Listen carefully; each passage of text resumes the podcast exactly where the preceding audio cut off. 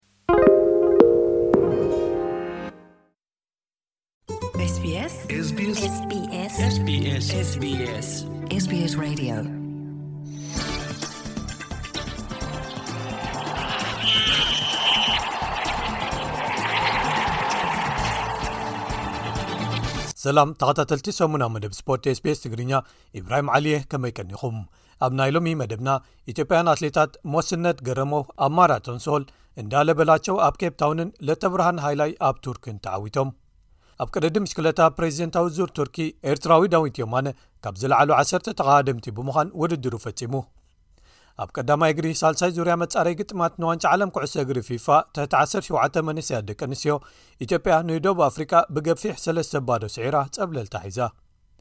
ኣብ ሃይማኖታውያን ጾማት ዝሓሸ ኣፍልጦን መረዳእታን እናመጸ ብምኻዱን ሕቶታት ንመሰላት ውሁዳን ሕብረተሰባት ጸቕጥታት ብምሕዳሮምን ረመዳንን ካልኦት እዋናት ጾምን መለክዒ ምዕባለ ለውጢ ኣብ ስፖርት ኮይኖም ዝብሉ ትሕሶታት ንምልከቶም እዮም ሰናይ ምክትታል ኢትዮጵያዊ ሞስነት ገረመው ኣብቲ ኣብ ኣትሌቲክስ ዓለም ውድድራት ኤሊት ብደረጃ ፕላቲንም ዝስራዕ ጉያ እግሪ ማራቶን ሶል ደቡብ ኮርያ ሓድሽ ክብረ ወሰን ናይቲ ቦታ ብ ምምዝጋብ ተዓዊቱ ሞስነት ነዚ ዓወት ዘመዝገበ ብ2 ሰዓትን 4 ደቂቕን 43 ካልኢትን ግዜ ኮይኑ ንወዲ ሃገሩ ሀርፓሳ ነጋሳን ብራዚላዊ ዳንኤል ዶና ሲሜንቶን ኣብ ካልይን ሳልሳይን ደረጃታት ብምኽታል እዩ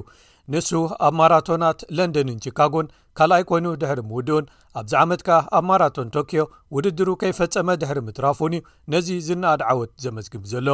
ብወገን ደቂ ኣንስትዮ ኣብ ዝተኻየደ ተመሳሳሊ ውድድር ኢትዮጵያዊት ስቱሜ ኣሰፋ ከበደ ካልኣይ ክትወፅእ እንከላ ጉቴኔ ሾኒ ራብዐይ ትወድያ ኬንያዊት ጆዋን ቸሊሞሜሊ ተዓዋትት ነይራ ካልእ ኣብ ደቡብ ኣፍሪካ ብ ዝተኻየደ ውድድር ጉያግሪ ማራቶን ቱ ኦሽንስ ማራቶን ኢትዮጵያዊ እንዳለ በላቸው ተዓዋቲ ኮይኑ ኣብዚ ኣብ ኣፍሪቃ ዝዓበየን ዝጸበቐን ማራቶን ተባሂሉ ዝግለጽ ኣብ ከተማ ኬፕታውን ዝካየድ ዓመታዊ ውድድር እንዳለ ናይ ፈለማዩ ኮይኑ እቲ ውራይ 56 ኪሎ ሜትር ርሕቀት ስለ ዝሽፍን ኣብ ክንዲ ንቡር ማራቶን ኣልትራ ማራቶን እዩ ተባሂሉ ዝስመ ኣብ ቱርኪ ኣብ ዝተኻየደ ካልእ ማራቶን እዝሚር ማራቶን ከኣ ኢትዮጵያዊት ለተብራህ ንሃይላይ 2ሰ 27 ደ 35 ካልትን ግዜ ምምዝጋብ ተዓዊታ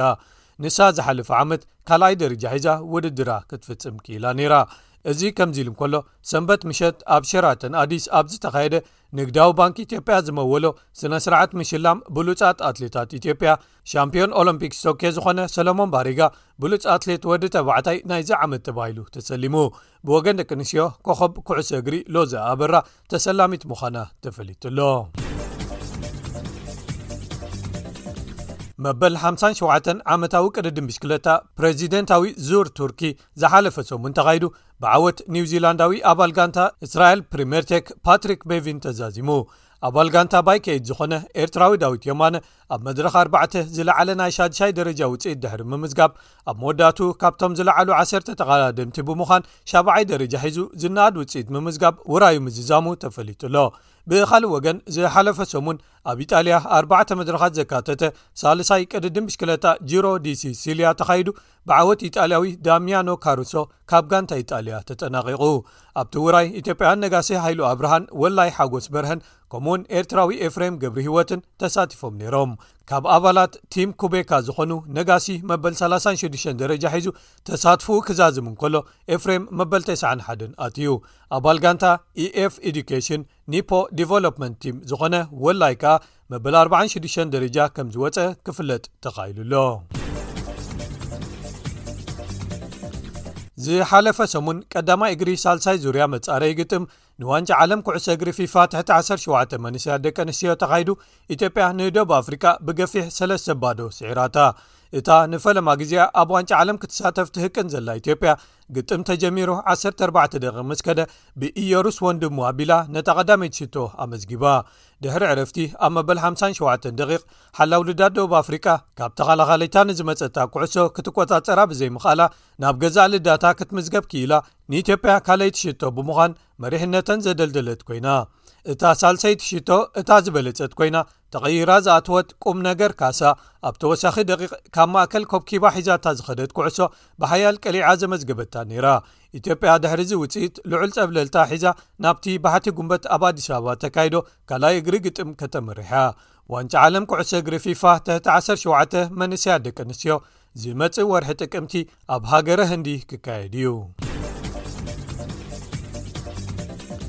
ኣብ መወዳእታኻ ክቡራት ሰማዕትና ስፖርት ዓለም ቅድሚ ሕጂ ብዝተፈላለዩ ምኽንያታት ተገሊሎም ወይ ከዓ ምሉእ መሰሎም ከይክበረሎም ወይ ግቡእ ክብሪ ከይወሃቦም ዝፀንሑ ክፋላት ሕብረተሰብ ክሓቁፍ ብዙሕ ፃዕርታት ይገብር ከም ዘሎን በብግዜኡ ዝያዳ ሓቋፊ እናኾነ ይኸይድ ከም ዘሎን ንዕዘብ ኢና።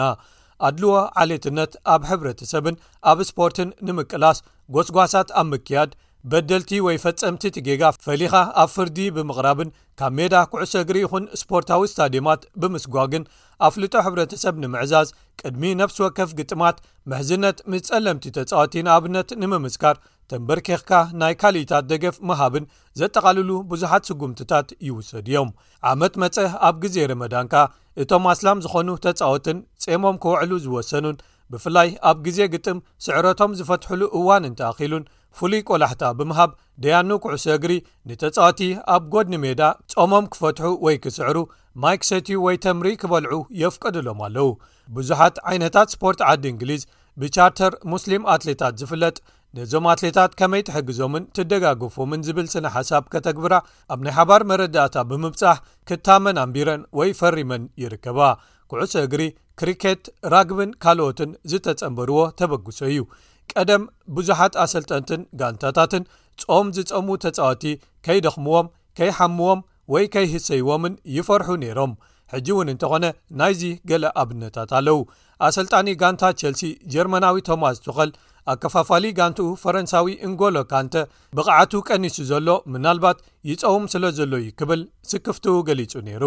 እንተኾነ ግን ኣብ ተመሳሳሊ ግጥም ምሉእ መዓልቲ ጸይሙ ዝወዓለ ፈረንሳዊ ካሪም በንዜማ ሰለስተ ሽቶታት ብምምዝጋብ ሃትሪክ ሰሪሑ።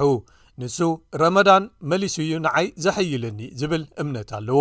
ድሒሮም ግን ብዙሓት መጽናዕትታት ክወጹ ጀሚሮም ኣለዉ። ሃይማኖታዊ ተግባራት ጾም ንጥዕና ጥራይ ዘይኮነ ንብቕዓት እውን ከም ዘደንፍዑ መረጋገጺታት ይርከቡን ይቐርቡን ኣለዉ። ኣብ ርእሲኡ ብዙሓት ኣትሌታትን ተጻወትን ከኣ ናይ ኣምልኾት መሰሎም ክሕለወሎምን ኣድላዪ ዘበለ ምትሕብባር ክግበረሎምን ክሓቱ ካብ ዝጅምሩ ነዊሕ ኮይኑ እዩ። ኣትሌታት ጽቡቕ ገይሮም ንጾም እንተ ተዳልዮም ረመዳን ብቐሊል ክሓልፍዋ ጥራይ ዘይኮነ ከበርትዖም እውን ይኽእል እዩ ዝብሉ ብዙሓት እዮም። ኣብዚ እዋን ሊጋትን ጋንታታትን ነዚኦም ሓቅታት ኣብ ግምት የእትዮም እዮም ነቶም ጸወምቲ ተጻወቶም ብፍላይ ከኣ ነቶም ኣብ ግዜ ረመዳን ዝጸሙ ኣስላም ተጻወቲ ፍሉይ ኣተሓሕዛን ቆላሕታን ኣብ ምግባር ዝርከባ ጋንታ ፕሪምየር ሊግ ዝኾነት ሌስተር ሲቲ ኣብ ግጥማታ ተኸላኸሊያ ዌስሊ ፎፋና ኣብ መንጎ ግጥም እዋን ስዕረቱ ዝፈትሓሉ ኣብ ዝኣኽለሉ፣ ዳኛታት፣ ከፍጥር ወይ ክስዕር ብምባል ሒደት ካልኢታድ ደው ዘበልሉ ዝሓለፈ ዓመት ዝተፈጸመ ናይ ፈለማይ ኣብ ፕሪምየር ሊግ ዓዲ እንግሊዝ ነይሩ።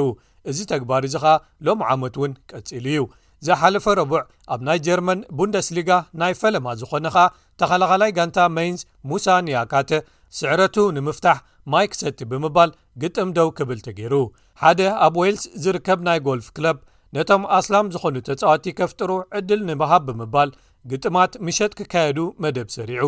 ኣብ ግጥማት ኩዕሶ ሰኪዐት ኣሜሪካ ኤንቢኤይ ተጻዋታይ ብሩክሊን ኔትስ ዝኾነን ኣብ ኣውስትራልያ ዝተወልደን ካይሪ ኤርቪንግ ጸይሙ እንከሎ ይጻወት ከም ዘሉ ሓቢሩ። ጾምን እምነቱ ሒዙ ክጓዓዝን ኣብ ኩሉ መዳያት ህይወቱ ይሕግዞ ከም ዝኾነ ደጋጊሙ ይገልጽ እዩ። ንሱ ግን ኣይኮነን ቀዳማይ ጼሙ ዝተጻወተ ተጻዋታይ ኤንቢኤ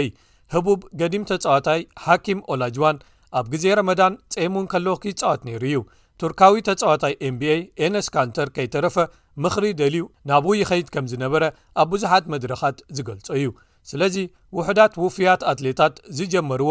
ኣፍልጦ እናበዝሐ ኣብ ዝኸደሉን ስፖርት ማዕርነት ኩሉ እምነታት፣ ስንክልናታት፣ ዓሌታት፣ ጾታታትን ወዘተ ከረጋግጽ ጸቕጢ ኣብ ዝበዝሓሉን መጠኑ ብዘየገድስ ዘገምታዊ ለውጢ እናርኣየ ዝመጽእ ዘሎ ይመስል ይብሉ ብዙሓት ተዓዘብቲ። ክቡራት ሰማዕትና ንሎሚ ተዳልዮም ዝነበሩ ትሕሶታት ሰሙናዊ መደብ ስፖርት ስቤስ ትግርኛ እዞም ዝሰማዕኩሞም ነይሮም